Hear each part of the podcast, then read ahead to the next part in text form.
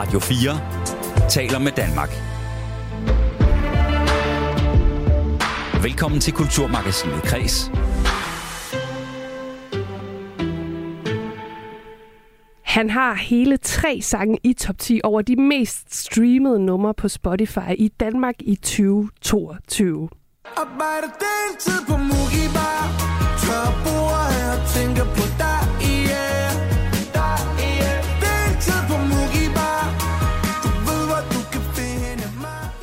Ja, en stor mand, Tobias Rahim, har haft et stort år, og jeg kan også afsløre, at han nok skal blive nævnt igen i løbet af dagens program, når vi kigger tilbage på året, der er gået i musikverdenen. For i dag, der vender jeg nemlig musikåret 2022 sammen med tre dejlige musiknørder og zoomer ind på de vigtigste kunstnere og værker, året har budt på. Vi skal høre deres bud på årets danske album, årets udenlandske album og ikke mindst årets sang. Og så skal vi se, om de kan nå til enighed om en vinder i hver kategori. Good luck! Jeg hedder Rikke Kulin. Velkommen til året i musik her i Kulturmagasinet Kreds på Radio 4. Og jeg kan nu byde velkommen til Sissel Thomasen, chefredaktør hos Gaffa. Velkommen til, Sissel. Tak, Rikke. I studiet kan jeg også byde velkommen til musikanmelder hos Politiken, Pernille Jensen. Hej. Og ikke mindst Anders Bøtter, radiovært og musikformidler. Blandt andet her på kanalen med øh, portrætalbum og ikke mindst Sortsøndag på DR. Velkommen til. Tak for invitationen. Prøv at høre, I tre, I har jo hver især fået lov til at vælge henholdsvis en sang et, og et album i de kategorier, vi har. Og altså, jeg må bare sige, vi har travlt i dag, så jeg regner med, I knivskarpe. Mm-hmm. Ja, så, så skarpe. Så skarpe. Jamen, så lad os springe ud i det, fordi først og fremmest så er det jo sådan, at festivalerne de i år, de, øh, de åbner jo op igen i 2022. For mange vedkommende for første gang i tre år. Og jeg gad godt at høre altså tre kæmpe nørder som jeg. Det at komme på græs igen Oh. på festivalerne. Hvordan var det, og hvor var det græs præcis henne, Anders? Det græs, det var især på Roskilde Festival i år, som havde gennemgået en fornyelse og en foryngring, som simpelthen var så fantastisk for mig. Fordi jeg så så mange ting på orange scene, som ikke var ment til mig. Jeg er 42 nu, og jeg følte mig for første gang lidt gammel for en orange scene, og det var virkelig, virkelig, virkelig, virkelig, virkelig fedt, fordi Roskilde Festival skal ikke være for en på 42 år. Så det var bare et kæmpe boost af kærlighed for mig, og jeg så mange, mange, mange gode koncerter. Altså, Pernille Jensen, øh, uden at komme ind på din alder, så er du også en gammel traver på, øh, på festival øh, Oh, yes. scenerne, skulle jeg til at sige, festivalpladserne. Var det også orange, der fyldte mest for dig i år, eller hvordan, øh, hvordan var Den det? fyldte i hvert fald rigtig, rigtig meget. Øh, jeg var sådan en, der fik en hård mental medfart under corona, øh, så for mig var det sådan ekstra specielt, synes jeg, at komme tilbage øh, på alle festivalerne. Jeg dækkede alt, hvad jeg kunne komme i nærheden af. Øh, men jeg havde ligesom Anders en kæmpe Roskilde i år. Altså for eksempel Dua Lipa på Orange Scene, Mm. det står tilbage som sådan... Altså jeg tænker stadig på det, når jeg en gang imellem lytter Mm. til hendes plade Future Nostalgia. Øh, og så bliver jeg bare sådan... så bliver jeg lidt mere lykkelig, faktisk. Sådan har jeg det stadig. Ja, og det er nok også første gang i mit liv, at alle dem, der stod på orange scenen, mere eller mindre, var yngre, end jeg var. Altså meget yngre, og Jeg det kan mærke, at vi skal fremhæve din alder i dag. Ja, ja, ja, det, det, det gammel er det er jo det, der skete i år, Rikke. Jeg er blevet gammel. Sissel Thomasen, Ja. øh, hvad vil du fremhæve fra Jamen, altså, festivalscenen jeg år? går jo bare direkte med på Roskilde Bølgen. Altså at stå foran... Jeg havde, jeg havde det sådan, da jeg stod foran Orange, og det åbnede med Drew. Altså tårne, de, vi stod sådan 10 mennesker sammen fra Gaffa, og tårne begyndte bare at trille ned ad kinderne på os. Altså sådan simultant.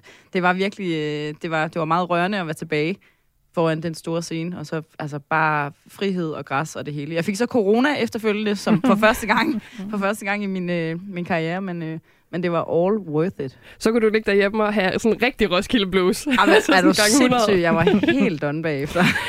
Vi skal jo også kigge på, hvad der har øh, kendetegnet det her musikår. Jeg ved godt, det er en kæmpe stor opgave øh, for jer alle sammen, men lad os lige starte med sådan at fremhæve måske herhjemme i, i Danmark. Pernille Jensen, hvis du sådan skal fremhæve musikåret 2022, jeg siger 2022 fra nu af, det skal jeg lige lære mig selv. Hvad, øh, hvad vil du så fremhæve fra i år? Øh, altså, jeg synes faktisk overordnet set, det har været et fuldstændig sindssygt godt år. Øh, jeg sidder jo i mit arbejde og skal vælge noget øh, hvert år. Øh, jeg synes, i år har det virkelig været øh, exceptionelt godt. Øh, den plade, som jeg har valgt at fremhæve i år, det er øh, Andreas Odbjergs øh, Hjem fra fabrikken, som øh, er en øh, noget så sjældent som en dansk popplade, som jeg har givet seks hjerter i politikken. Seriøst, det sker aldrig. Det er aldrig sket før. Øhm, men den, har fuldt, altså, den slog fuldstændig benene væk under mig. Jeg synes, det er en moderne klassiker. Øhm, jeg har det som om, at det er sådan øh, midt om natten for, vores, øh, for vores, øh, vores generation og vores børns generation. Anders, inden vi kommer til, sådan, hvad du har valgt, hvad, hvad vil du så sige om, om musikåret i Danmark? Jamen, jeg har været lidt forvirret, øh, fordi at øh, der er kommet nogle kæmpe plader, blandt andet Andreas Oddbjerg, blandt andet Tobias Rahim, øh, blandt andet Fabrik, som det kan være, vi kommer til at snakke om senere, som alle sammen havde det til fælles, at de havde meget store singler ude sidste år. Så da deres album så kom, så var jeg sådan, jamen, er, er den ikke kommet? Nå, nej, det er den ikke. Så jeg var faktisk sådan helt overrasket over at finde ud af, gud, nu har jeg et helt Andreas Odbjerg-album foran mig. Men jeg havde bare hørt singler i så lang tid. Og det samme med Tobias Rahim, så jeg var sådan, Nå, men jeg troede da egentlig, at der var noget EP ude eller et eller andet. Så jeg har været i sådan et underligt vakuum af, hvor vi egentlig henne, fordi de her første singler, nogle af dem har jo et helt år på banen, hvor normalt, i normale tider, hvor der ikke er en verdensomspændende pandemi, så udgiver man en så går der måske et par uger, og så kommer albummet. Derfor har jeg været, altså jeg har bare følt mig forvirret generelt, men vil også understrege, ligesom Pernille, at kvalitetsniveauet har været sindssygt højt. Kvantitativt har jeg måske ikke lyttet til så mange danske albums, men dem jeg så har lyttet til, hold op, hvor har de, altså det er sådan dansk pop i de her år.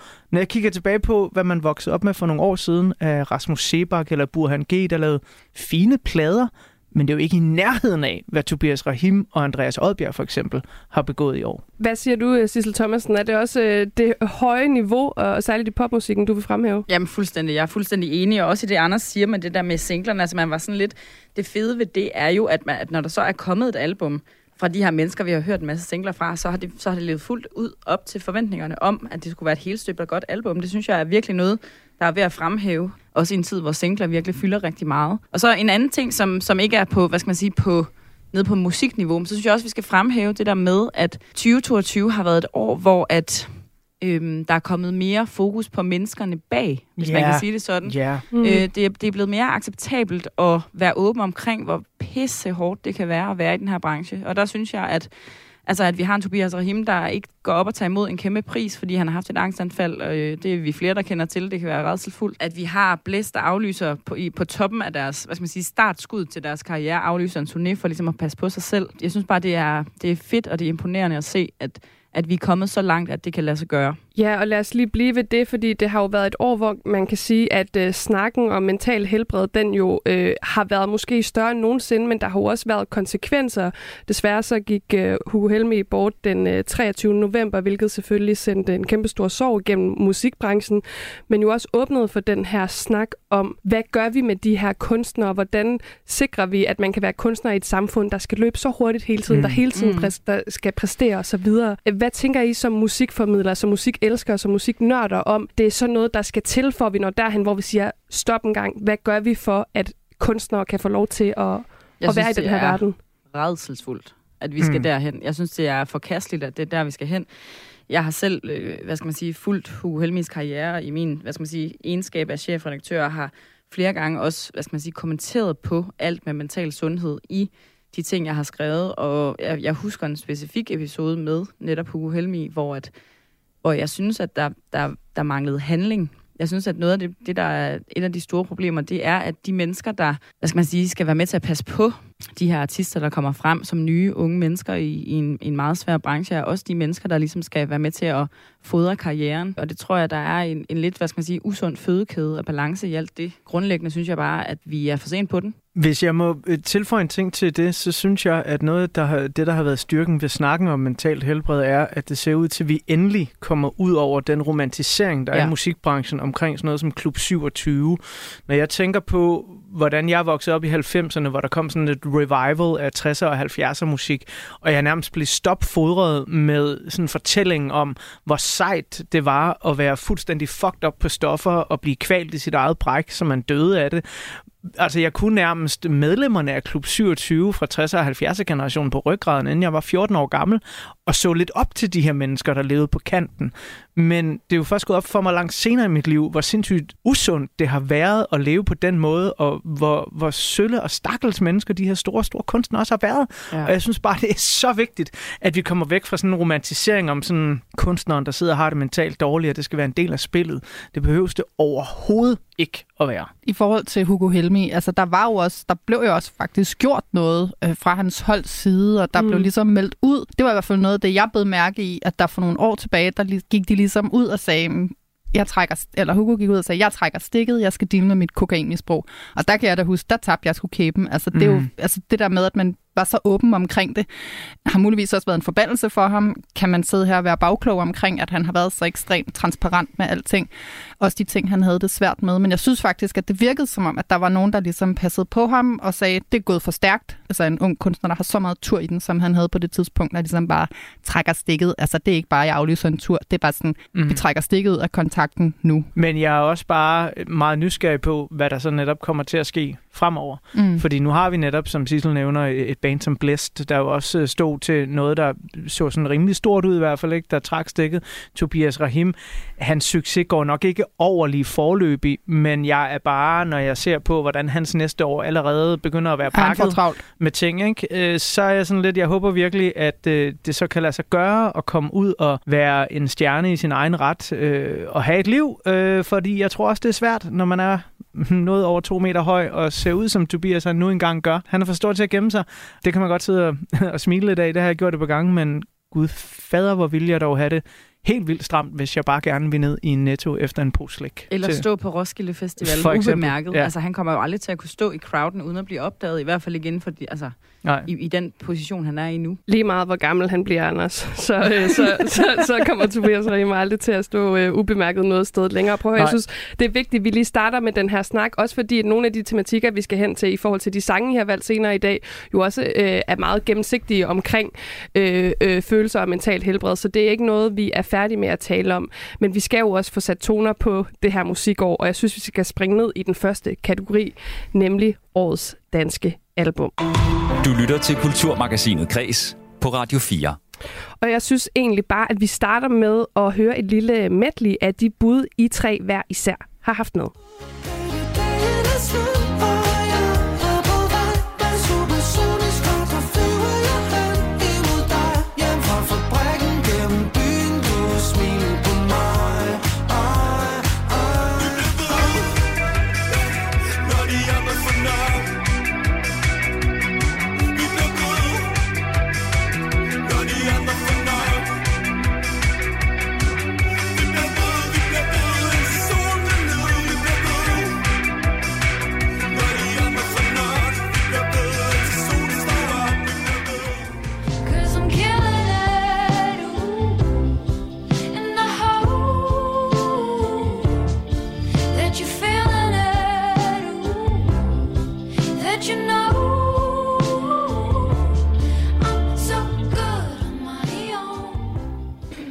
Kære lytter, her lyttede du først og fremmest til Andreas Oddbjerg med øh, Hjem fra fabrikken, som også er øh, titlen, titlen på øh, albummet, som Pernille Jensen har valgt.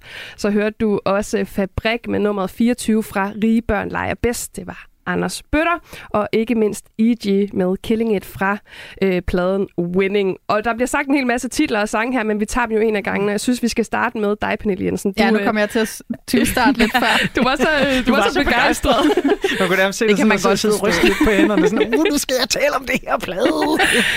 og du, som, som du sagde, så gav du den seks hjerter i politikken, hvilket ja. er meget usædvanligt. Prøv lige at sætte nogle ord på, hvorfor du har valgt den. Jeg synes bare, det er, det er så sjældent, at man øh, i hvert fald i dansk musik møder noget, som er, så, øh, som er så gennemført på mange måder. Altså helt ned til mindste detalje. Jeg synes ikke, den har nogen dårlige numre. Jeg synes virkelig, den er sådan, den er ekstremt ren i sit udtryk. Øh, og jeg synes, for mig føles det bare som sådan en uh, instant classic. Jeg var også vild med ham sidste år. Øh, jeg, havde, jeg kan huske, jeg havde i morgen er der også en dag som årets bedste sang sidste år. Det ville jeg formentlig gøre igen i år, hvis jeg måtte, men det må jeg ikke.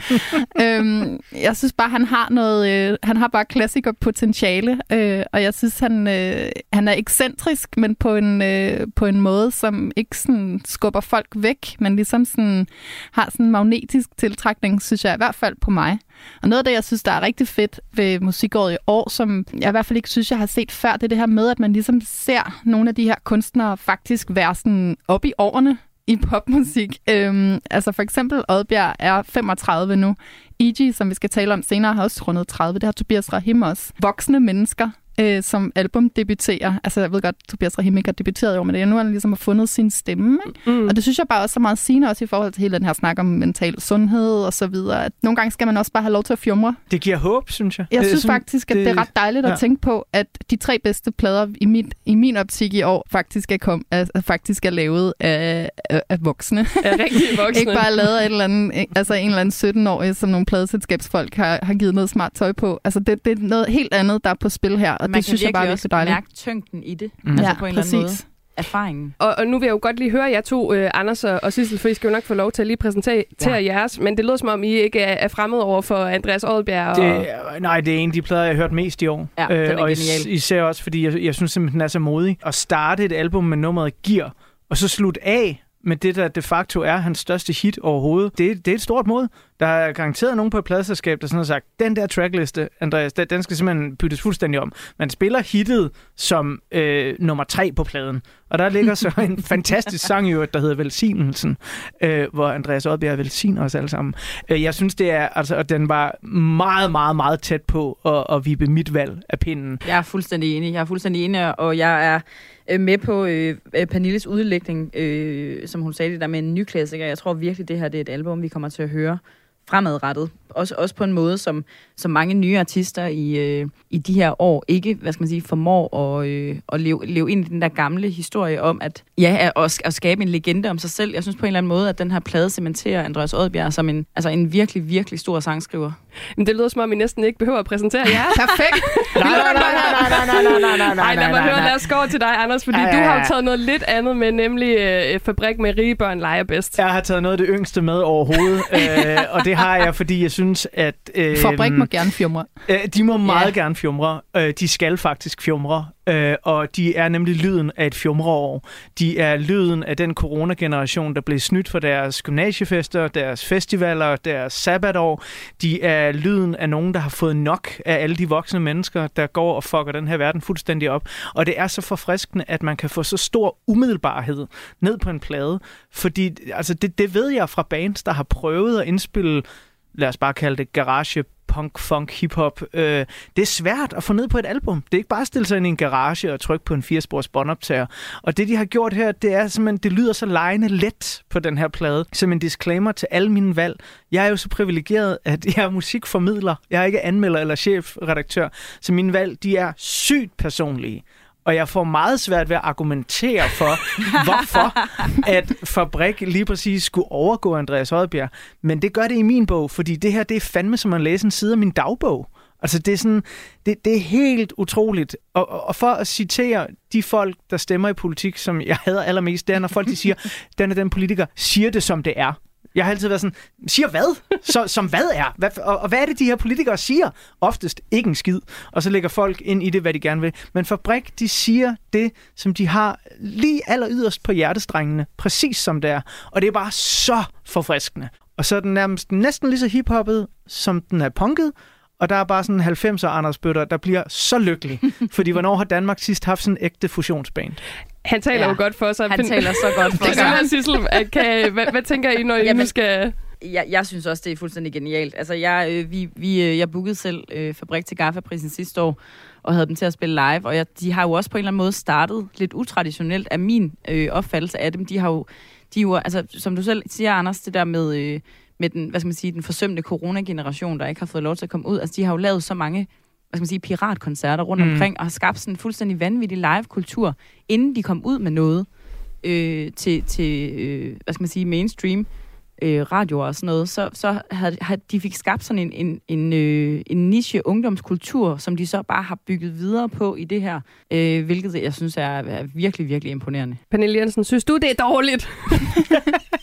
Jeg har været vild med Fabrik lige siden den første single, den der hed Voldsom. Det er sådan Ja, mere sådan en voldsom pige, vil jeg sige. Ja. Altså det der med, klokken er fire, jeg ligger nede på asfalten, mig og gutterne, lige nogen, der er stukket af fra asfalten, eller, sådan, eller fra den anstalten. Ja, ja, ja. Og der var, altså, det var virkelig sådan kærlighed ved første blik, da jeg hørte den. Jeg synes bare, altså, jeg havde det lidt sådan, at Danmark havde fået et Sleaford Mods. Ja. Øhm, altså den der følelse af det der sådan total blodnæse punk hip-hop, rap. Ja, autonom. Vi gør det altså fuldstændig på vores egen måde. men Ja. også bare sådan vildt.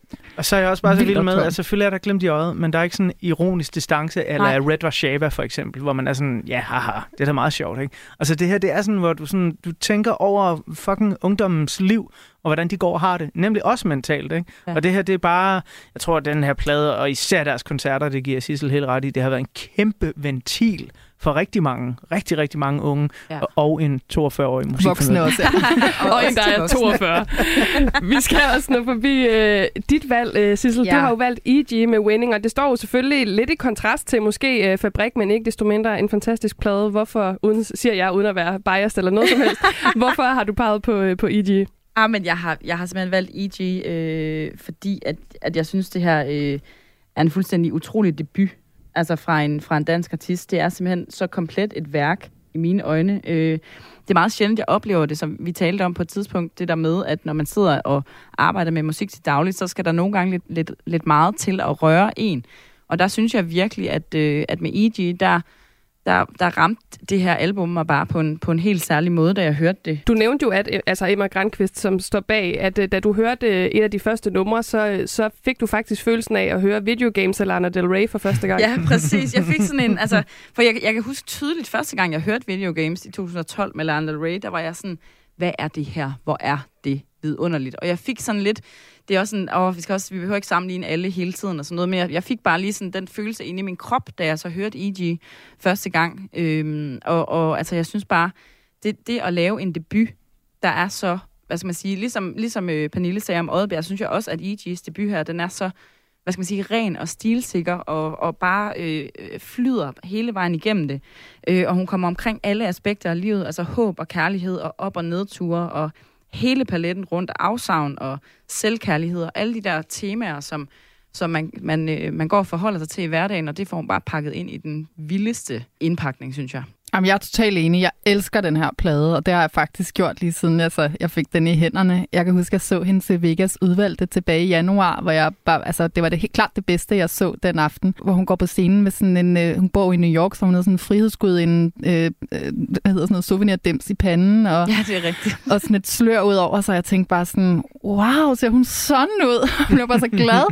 og så lyder hun jo bare fuldstændig fantastisk, og så synes jeg bare, hun har den her sådan helt overdrevne musikalitet, som også Ja. og, som Oddbjerg også har. Altså Præcis. det her med, sådan, det virker ekstremt nemt for hende, mm. Mm. og det ved vi alle sammen godt, det er det ikke. Det er lyd, som jo også får, øh, som får Sissel til at tænke på, øh, på Lana Del Rey, men også band som Fleetwood Mac for eksempel. Altså den har den der sådan lækre, bløde lyd, som samtidig bare bliver drysset med de her tekster, som bare er så lækre. Det er den plade af de tre, vi har valgt her, som jeg har hørt mindst. Men det er ikke fordi, at jeg ikke synes om den overhovedet. Det er bare fordi, at når de to andre plader, Andreas Oddbjerg og Fabrik, kommer ind, jamen så væltede de mig om kul som et godstog. Og det her, det er sådan lidt en mere langsom omvæltning. Altså mm. det er en supertanker, der skal vende om i min hjerne, for at jeg kan høre det her. Men jeg kan huske at læse om E.G. første gang, tror jeg, i Soundvenue, deres øh, Springer-serie, hvor jeg læser et interview om, at jamen, altså, hun prøvede som kunstner at komme igennem på et major label og med sin Hun musik. var og, signet på Sony. Ja, og det gik ikke, og så var hun ude i, hvad skal vi sige, med store gåsøjne, det virkelige liv, øh, var kokkeelev, var tjener,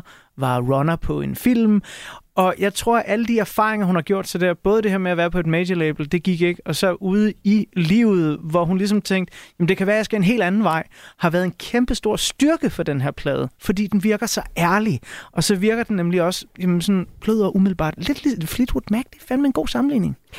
Prøv at høre her, det der sker nu, venner. Fordi nu har I jo ligesom oh, nej. givet jeres tre bud, ikke også? Og jeg kan jo høre, at øh, kærligheden til musikken er stor, men vi skal jo faktisk, altså, fordi det er præmissen for det her program, finde en, en samlet øh, vinder, hvis man kan sige det på den måde. Og øh, der må I gerne blive sådan rimelig hurtigt enige, så jeg kunne godt tænke mig at høre, er der nogen, der vil give sig? Øh, fordi nu startede vi jo med at få rost Andreas Oddbjerg hjem fra fabrikken rigtig meget af jer alle tre, men jeg hørte jo også ros til de to andre. Så øh, hvad tænker I? Nej. det, der er ikke nogen, der skal tage fabrik fra mig. Det er, det er der bare. Altså, som sagt, det her det er et dybt personligt valg, og jeg kan ikke... Øh, det, det vil simpelthen... Nej, det vil... Jeg vil godt sige her fra, fra min side, at jeg også havde Andreas Oddbjerg op at vinde. Det havde Anders også. Og det, Det havde sagde han. Anders også. Bordet Og jeg fanger. Synes, Og jeg synes, altså med Men far I havde for... da også fabrik op at vende. Nej, nej. Nej, det havde jeg faktisk ikke. Men, Ikke på men album. Ikke, ikke på album, men på rigtig mange andre Prøv at høre, det ting. kan jo være, at de stakkels, stakkels unge mennesker fra På fabrik listen sidder over folk, man gerne det vil i byen med, ja. Men ikke. Ja, der, der, vil, der, tror jeg faktisk måske, jeg vil mere i byen med Andreas Oddbjerg, end Så jeg vil. ikke. Altså, Jeg vil gerne drikke en øl med Emma, så. Altså, hvis der ikke er ej, men andre. prøv, jeg, jeg kan, ikke- altså, jo, Pernille må da gerne få den, Tak. men, men jeg er bare sådan, det, det, Vi lukker alle, den der, Rikke. alle skal bare vide, at, at det ikke er den rigtige vinder. Ikke for Anders Bøtter i hvert fald, og det har vi vist slået fast med, med Syv Thomas Søm. Men i hvert fald, så, øh, så lad os sige sådan, øh, vi giver den til Andreas Oddbjerg med hjem fra fabrikken, men lige med Man skal høre dem alle tre. Man skal høre dem alle Ja, tre, ja, ja, det skal man. Øh, men øh, for at slutte den af, synes jeg, vi skal høre hele sangen, og det er jo altså øh, hjem fra øh, fabrikken.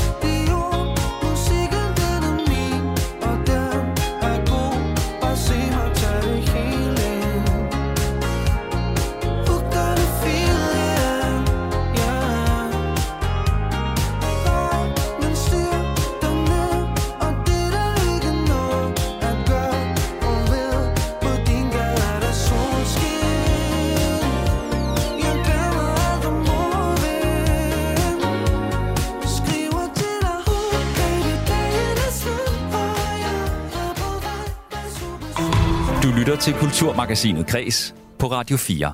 Og du gør det med øh, mig, Rikke Kulin, og i studiet der har jeg besøg af Pernille Jensen, Anders Bøtter og Sissel Thomasen, som altså har fået den øh, opgave at skulle kåre ja, årets danske album, årets udenlandske album og årets sang. Og vi drøner altså videre til årets udenlandske album, fordi vi skal også kigge på, hvordan musikåret har været på den helt store internationale scene. Og lad mig lige høre lynkort fra jer alle tre, hvis I lige skal sætte nogle ord på, øh, på, på, på det. Musikåret i den store verden. Altså, jeg føler virkelig, det har været øh, et år præget af sådan genåbningens glæde, øh, som har stået sådan meget i euforiens tegn.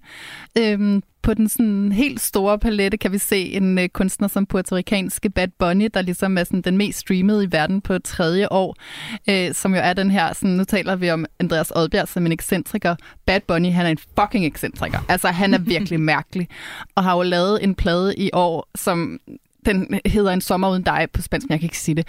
øhm, som er 83 minutter lang, alt for lang, men også bare sådan propfuld af sindssyge idéer. At han er det mest streamede menneske på verdensplan, det fylder mig med så meget glæde. det gør mig så glad. Folk vil gerne glæden, og folk vil gerne det sjove, og folk vil også gerne det skøre. Det kan jeg godt lide. Jamen altså, det der er sket i år, Rikke, jeg sagde det også i starten, det er Anders Bøtter, han er blevet gammel. Så øh, før vi skulle herind, der googlede jeg sådan lige Best Albums øh, 2002, fordi jeg virkelig, øh, 22, øh, fordi jeg virkelig var i tvivl, ikke? Øh, og så ikke, det, det var ikke så meget det, at jeg ikke kunne lide det, der var på listerne. Det var mere det, at jeg ikke kendte det. Det har været et godt år, og det har det også for mig, fordi der er nogle gamle helte, der er kommet tilbage. Og så kan man jo så altid sige, hvor meget progressivitet og fremtid er der i det. Mm, det ved jeg ikke, men det fik jeg så på den danske musikscene. Ja, og nogle gange siger jeg bare lidt lynhurtigt, har man skulle brug for noget nostalgi. Så Ja, ja, ja, så efter øh, nogle år som øh, corona. Sissel Thomasen, Ja. øh, jeg tænker, altså som chefredaktør for, hos, øh, for Gaffa, så er det klart, at øh, den danske scene følger utrolig meget. Men jeg tænker også, I følger med i, hvad der sker i udlandet. Hvad vil du øh, fremhæve fra, fra i år? Altså, jeg har det faktisk, altså, og det kan også godt være, at jeg kommer til at lyde sådan lidt. Nu er jeg jo kun 35, Anders, men, øh, men alligevel. Jeg har også, jeg, jeg har virkelig haft meget fokus på den danske scene i år, må jeg sige, så jeg har også været, altså, jeg, har, jeg ved ikke, om jeg nu må nævne, hvem jeg har valgt. Det må du gerne, men så Nå. spiller jeg også medlevet for dig. Okay, tak. Tak, Rikke.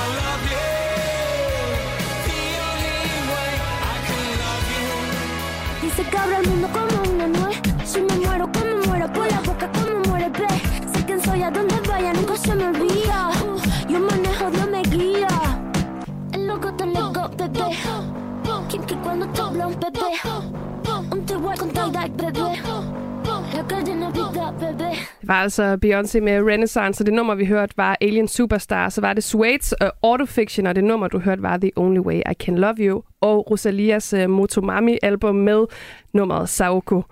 Og uh, vi starter jo lige med dig, uh, Sissel, fordi Ja. du, uh, du sagde sådan, du vil gerne tage udgangspunkt i det, du har valgt, nemlig Ja. Beyoncé's uh, Renaissance. Jeg synes jo, det, jeg synes, det er et, øh, et fantastisk album, men jeg synes også, det var et album, hvor man sådan lige skulle sådan ises lidt ind i det. Da jeg hørte Lemonade første gang, der, der, øh, der var jeg fuldstændig blæst bagover. Der synes, det, det, det synes jeg bare var, var altså en helt ny æra inden for, inden for popmusik. Det, er, det var sådan lidt anderledes med Renaissance. Hun stiller mere flere krav til lytterne på det her. Hun er mere sådan en øh, kompromilløs øh, øh, kunstner på det her album, synes jeg, øh, hvor hun stiller krav til lytterne. Man kan mærke, hun er fuldstændig øh, ja, kompromilløs i sin tilgang til musikken, og, øh, og hun læfler ikke for nogen på det her album, synes jeg. Øh, hun har simpelthen valgt, at det her album skal være et, et dansealbum, og det har hun så bare gået med, og jeg synes, jeg synes hun har lykkes rigtig, rigtig godt med det. Det er jo øh, et album, som øh, man har set, sådan, jeg har i hvert fald set TikToks og videoer fra verden over, hvor Ja. øh, selvfølgelig Coffee, øh, man skulle lære Coffee-dansen, men også at faktisk hele albummet er blevet spillet på øh, klubber i sin fulde, sin fulde længde derude. Ja. Så det har i hvert fald været noget, der har sat øh, gang i,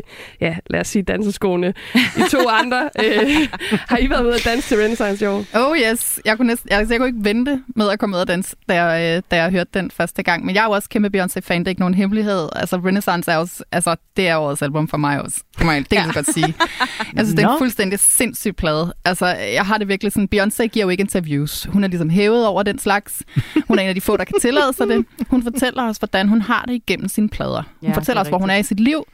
På Lemonade var hun øh, vred over øh, sin mands utroskab, men også over øh, raceulighed i USA og Black Lives Matter. På Renaissance har hun ligesom opdaget intersektionalitet og altså, og queer-kultur og ballroom-kultur og alt det her, som hun ligesom sådan kuraterer. Hun, er jo, altså, hun kuraterer jo alle de folk, hun gerne vil have med på sine plader, og det betyder jo, at den, meget berømte sangskriver Diane Warren, hun sidder på Twitter og bliver sur hver gang Beyoncé laver en plade, fordi hvordan kan man være 14 mennesker om at skrive en sang, når Diane Warren gør det helt selv?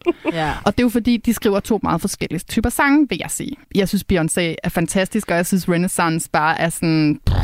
Den har bare sådan efterladt et krater i min hjerte, første gang jeg hørte den. Jeg var bare sådan blæst bagover. Og havde det også samtidig også lidt ligesom øh, Sissel, at man er lidt sådan, wow, hvad foregår der her, og hvorfor Ja. er den så lang, og hvorfor er den så all over the place? Hvorfor er, det der, hvorfor er der et house-nummer der? Hvorfor er der et funk-nummer der? Du ved? Hvorfor er det her Nile Rodgers? Og hvorfor er det her det. på en helt anden planet.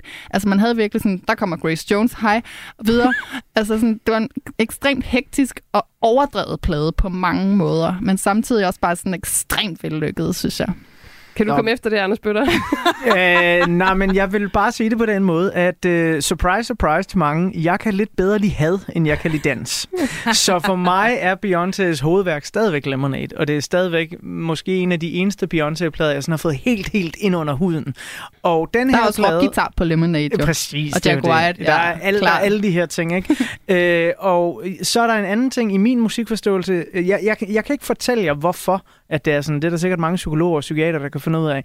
Men hvi- hvis verden går og har det dårligt, så vil jeg gerne høre sange om, at verden går og har det dårligt. Mm. Hvis jeg går og har det dårligt, så vil jeg gerne høre sange af nogen, der har det endnu dårligere end mig, fordi så sætter det mit eget sind i perspektiv. Mm. Og på det her tidspunkt lige i mit liv, 2022, der havde jeg ikke brug for en eskapistisk danseplade. Altså fordi det her, det er jo eskapisme i, i den vildeste albumform. Det vil jeg så dog give jer to virkelig ret i. Og så har den måske også årets flotteste cover. Wow, oh, she's back. Wow. Så sidder på ryggen af en hest i Ja, ja, det vildeste så, sølvgear. Jeg har ikke fået den her ind under huden endnu, og jeg ved ikke, om jeg kommer til det, fordi at, at det er det er dansekalorier, og jeg fucking hader at danse.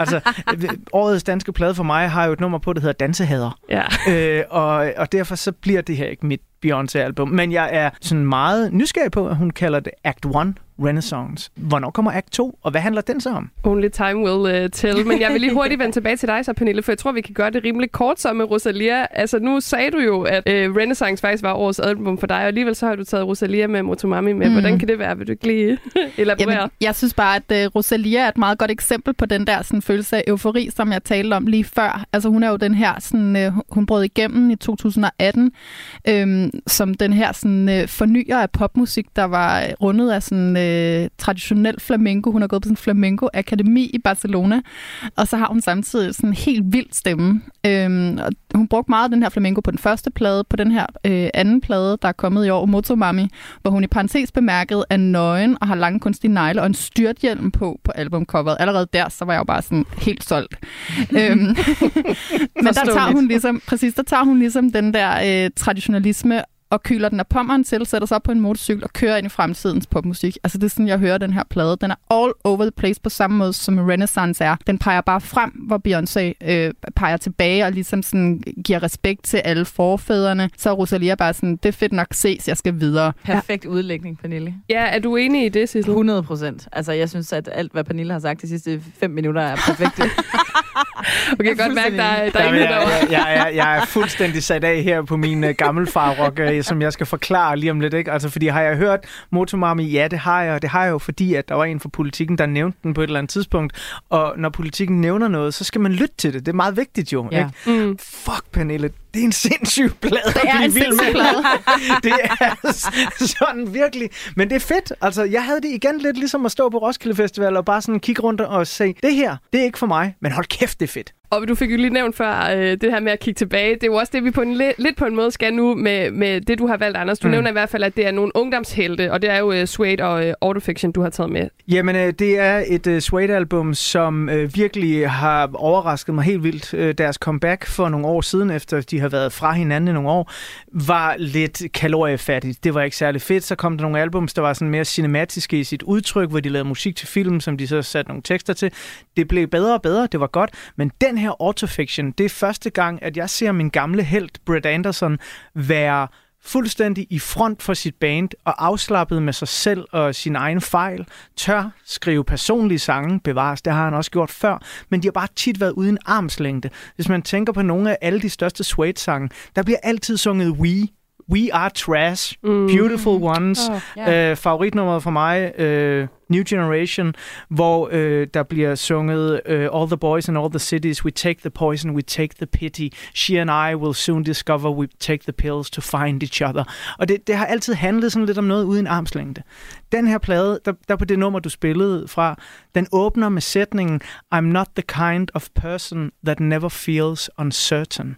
Og når du har set op til nogen, altså siden du var 14 år gammel, og du nu har ramt de 42, jeg ved ikke, hvor gammel Brett er, nogen er 50. Han var min første queerhelt. Han var den første mand, der satte ord på, jamen, du kan muligvis godt have følelser, der er seksuelle for dit eget køn, uden at du nødvendigvis er homoseksuel.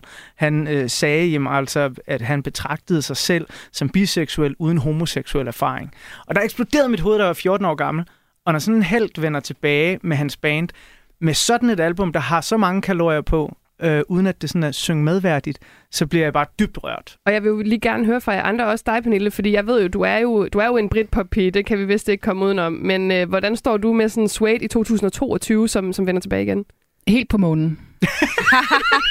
Helt på månen. Ja. Altså, jeg glæder mig jo rigtig meget til at se Blur på Roskilde næste, mm. øh, næste år. Ikke? Altså, det glæder, det glæder jeg mig til. Men jeg har, altså, Suede har altid lidt været, for mig været sådan fem mænd, der var meget tynde og blege og sure. Mm, ja, Og ej, det du siger alt det det- rigtige. ja. Ja. Det er alt, altså, set i forhold til de der arbejderklasse i Oasis, eller de der søde akademikere i Blur, der røg lidt for meget pot, ikke? Giv mig til hver en tid fem mænd klædt i sort og har ondt i livet. Der er jeg lidt et andet sted, så jeg har, jeg har, jeg har faktisk ikke rigtig fået Jeg er bare sådan sex med Jarvis Cocker, men det er en anden snak. Vi skal også, vi skal også lige have dig med, Sissel. Ja. Hvad tænker du med, Jamen, med, altså- med Suede, øh, altså simpelthen i den her pulje? Altså ligesom, ligesom øh, Pernille, så er jeg også til at indrømme, det er jo ikke, øh, det er ikke en, jeg som, som sådan har hørt særlig meget, før Anders han, øh, han, han nævnte det. Men, øh, men jeg, må, jeg må også give Anders altså noget, der også har fyldt rigtig meget for mig de, de seneste år. Jeg ved ikke, om det er fordi, at jeg, nu taler vi meget om alder åbenbart, men fordi jeg er blevet ældre, eller hvad der sker, coronakrise, øh, blandede følelser omkring alle mulige ting, så er jeg virkelig gået, også gået meget tilbage i mit musikkatalog. Og der kan jeg godt øh, fornemme, at da jeg så også hører øh, Suede på det her album, at den der, øh, den der genkendelighed, der er i, i, hvad skal man sige, orkestreringen og i stemmen og i alle de der ting, med det nye touch, som Anders han siger, øh, som, som faktisk først gik op for mig, da du sagde det, Anders, det der med, at han, han, er, han er mere sådan ærlig og peger mere indad. Øh, det synes jeg er... Øh, jeg, jeg, synes, jeg synes, det lyder, øh, det lyder, det lyder sgu godt. De tre første sange er måske de dårligste på pladen. Jeg synes ikke, de er dårlige, men det er først fra sådan 4-5 stykker dernede, at magien begynder at ske. Og især mellem track 5 og track 8, der... Oh my goodness. Og det skal man jo lige tage into consideration, når vi skal vælge den bedste plade. ja, men jeg tænker, vi gør en rimelig kort proces. Anders, vil du ikke lige brokke dig, før vi kårer øh, Renaissance til årets plade? Nej, det kommer ikke til at ske på nogen måde. Altså, nej, det kan jeg ikke. Hvad gør vi Hvad så? fanden gør vi så? Så vælger vi Rosalia. Det vil jeg meget hellere. Prøv her, Rosalia. Altså, det er bare, hvis man vil ind i fremtiden, så er det begge arme. Altså, Ja, men du har mig med det der med fremtiden. Det synes jeg faktisk, det, det var sgu meget sejt. Ja, men Den der præcis. form- formulering der, du havde Altså, med motorcykler så afsted. Hvi- Hvis der er nogen, noget tidspunkt i verdenshistorien rent musikalsk, vi skal kigge fremad, så er det da fandme nu. Ja, men øh, jeg hører, og fremad på noget, der er så sjovt. Siger du, som har swayed med. det synes jeg var helt over. sorry. Ej, oh, der fik Men altså, du hvis man lytter er til ikke- Saoko, altså- som er åbningsnummeret, det er Daddy Yankee sample, der er free jazz, altså den er all over the place, og så er den bare sådan samtidig insanely fed. Man får bare lyst til at hoppe op på den der motorcykel. Altså, og Må bare jeg godt lige sige noget ting? Ender vi nu på, at Pernille får begge? Det er næsten som om, der kommer sådan en lille laserstråle. De der klassiske meme-katte, hun er sådan helt on fire, altså. Men prøv at høre, så skal jeg bare lige igennem og sige, at det er jo også vigtigt at sige, og det synes jeg også, I har øh, slået fast flere gange, at det er jo også en symbolsk vinder, for I har jo hver især taget jeres egen vinder med. Ja, ja. Men vi giver den til Rosalia og Der er noget Motomami. smukt i det. I stedet for at tage den, der peger tilbage, så tager vi den, der peger frem. Og med det, så spiller vi altså åbningsnummeret fra pladen, nemlig Saoko. Chica. Saoco, papi, Saoco. Saoco, papi, Saoco. Chica, ¿qué dices? Saoco, papi, Saoco. Saoco, papi, Saoco. Saoco, papi, Saoco. Cuando pone perla en el collar, te pipián diferentes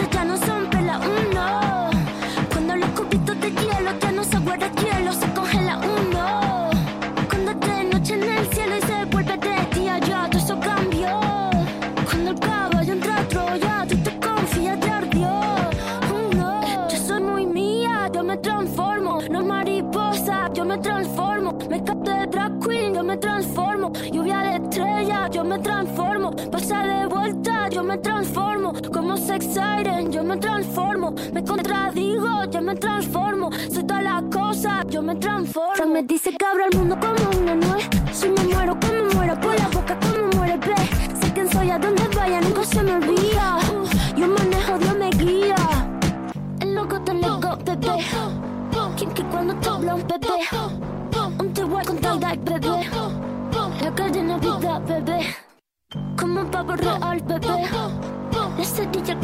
Bebé.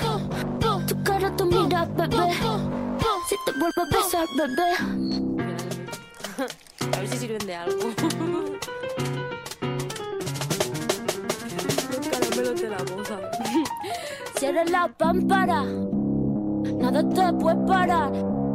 Cierra la pámpara, nada te puede parar. Y ya, toca el estilo, toca el estilo, Fucking el stylist, toca el estilo. De la tijera y ya, cógela y córtala. Y ya, cógela y córtala. Gå heller ikke y córtala. Y ya, cógela y córtala. Y ya, cógela y córtala.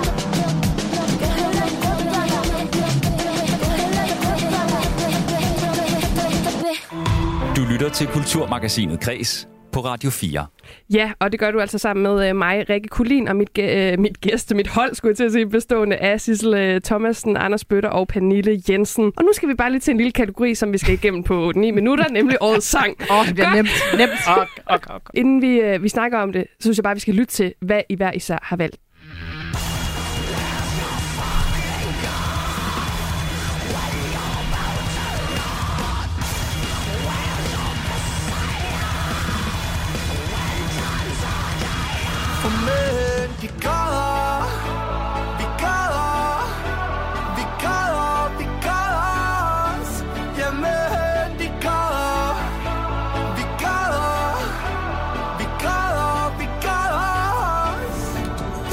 Parfois eu des pensées suicidaires, j'en suis peu fier.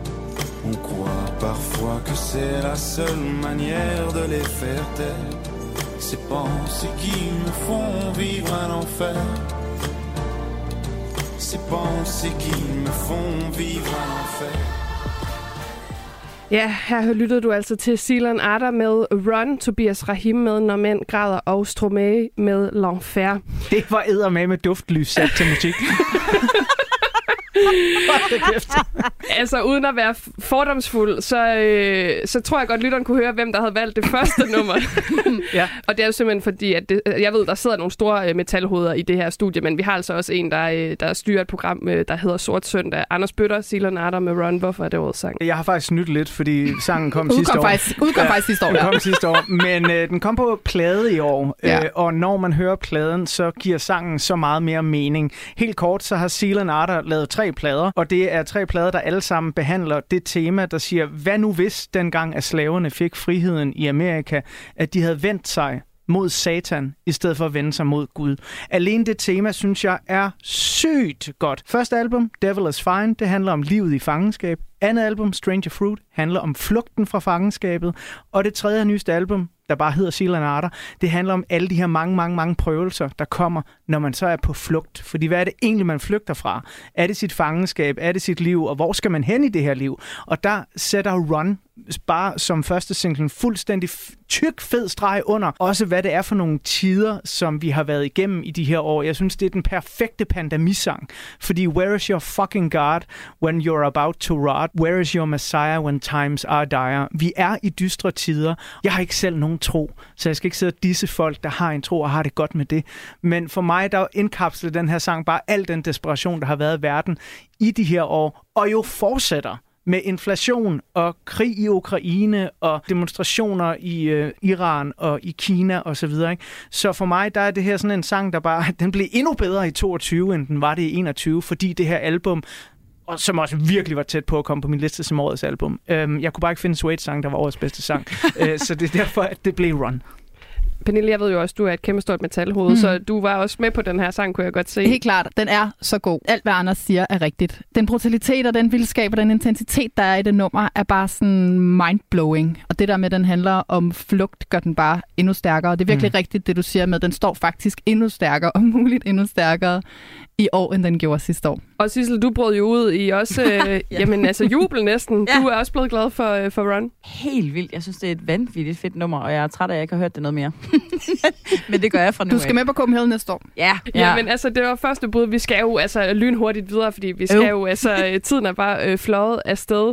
Sissel, du har peget på en, vi startede med at snakke om i starten af programmet, nemlig Tobias Rahim og øh, Når Mænd Græder. af alle sange i hele universet er det måske ikke den bedste sang, der er lavet, men jeg synes alligevel, trods alt, at i tråd med det, vi talte om tidligere med det fokus på mental helbred der, og mental sundhed i musikbranchen, der er kommet frem øh, i løbet af det her år og, og de sidste par år, der synes jeg, at, øh, at den her sang, den simpelthen er med til at sætte sådan en, en ekstremt vigtig og flot ramme for det maskuline og det feminine, og måden, vi ligesom behandler vores, vores følelser på, og især også for mænd, som i, i mange år ligesom er blevet holdt ude af den der følelsestrummerum, der, der, der er, så synes jeg bare, det er ekstremt vigtigt, at vi har en, en artist, som, som, øh, som rent faktisk er... Øh, altså står helt klart og ene som intro til det her program, vi sidder og taler om musikåret 2020. Det er ham, der har de- været med til at i hvert fald i høj grad definere musikåret 2022. At han er så åben og udgiver en sang, der giver genlyd hos så mange, især også yngre mennesker derude, om at mænd gerne må græde, gerne må føle, gerne må tale med hinanden om, hvad der er svært. Det synes jeg er, øh, er helt fantastisk. Og det er derfor, jeg har valgt den sang. Der bliver nikket i studiet hos dig, Anders Bøtter. Ja, øh, jeg vil sige det kort. Jeg synes ikke, det er årets bedste sang, men det er klart nok den vigtigste. Jamen, jeg er også meget enig. Ja, men så er der ikke mere at sige til det. Dejligt. Så skal vi jo til noget øh, øh, ikke engelsksproget igen, ja. Ja. nemlig dengang fransk, altså Langfærd, øh, Ja. Astromae. Med belgiske Stromae, som øh, jeg anmeldte hans, øh, hans album Multitude, tror jeg, øhm, som kom i år, og som øh, var hans første i ni år, så vidt jeg husker. Mm. Øhm, han er den her sådan, total sådan, pop elegantier. Han hittede stort med det nummer, der hedder Alors on danse, som ligesom er blevet sådan en nationalsang på floor hjemme i Belgien og alle mulige andre steder. Men vender ligesom tilbage med det her album, som er sådan vildt smukt. Den første sang, jeg hørte derfra, var faktisk øh, det er den, der hedder L'Enfer, som betyder helvede, som øh, faktisk måske i virkeligheden er den belgiske pendant til, når mænd de græder. Ja. Øhm, fordi den, den bliver ligesom akkompagneret af sådan helt afsindig øh, video, hvor Stromae han sidder i øh, fransk tv. Det svarer lidt ligesom til, at Tobias Rahim sidder i TV-avisen og bliver interviewet af den her øh, af Cecilie Bæk, som ligesom spørger ham om øh, nogle ting, og de har et interview og sådan noget, og så siger hun lige pludselig et eller andet. Og du har haft det svært, hvordan har musikken hjulpet dig, eller sådan noget. Så tænker jeg sådan, og det var da et rimelig lame spørgsmål. Og så begynder han bare sådan at kigge han ind i kameraet, og så begynder han at synge den her sang. Og så synger han hele den her sang, mens han sidder i det der tv-studie. Der er ingen danser, der er ingen fancy lys, der er ingenting. Det er bare sådan en rå følelse, og det er så stærkt. Og jeg vil råde alle til at gå ind og se den. Og jeg synes, alle skal høre den der plade.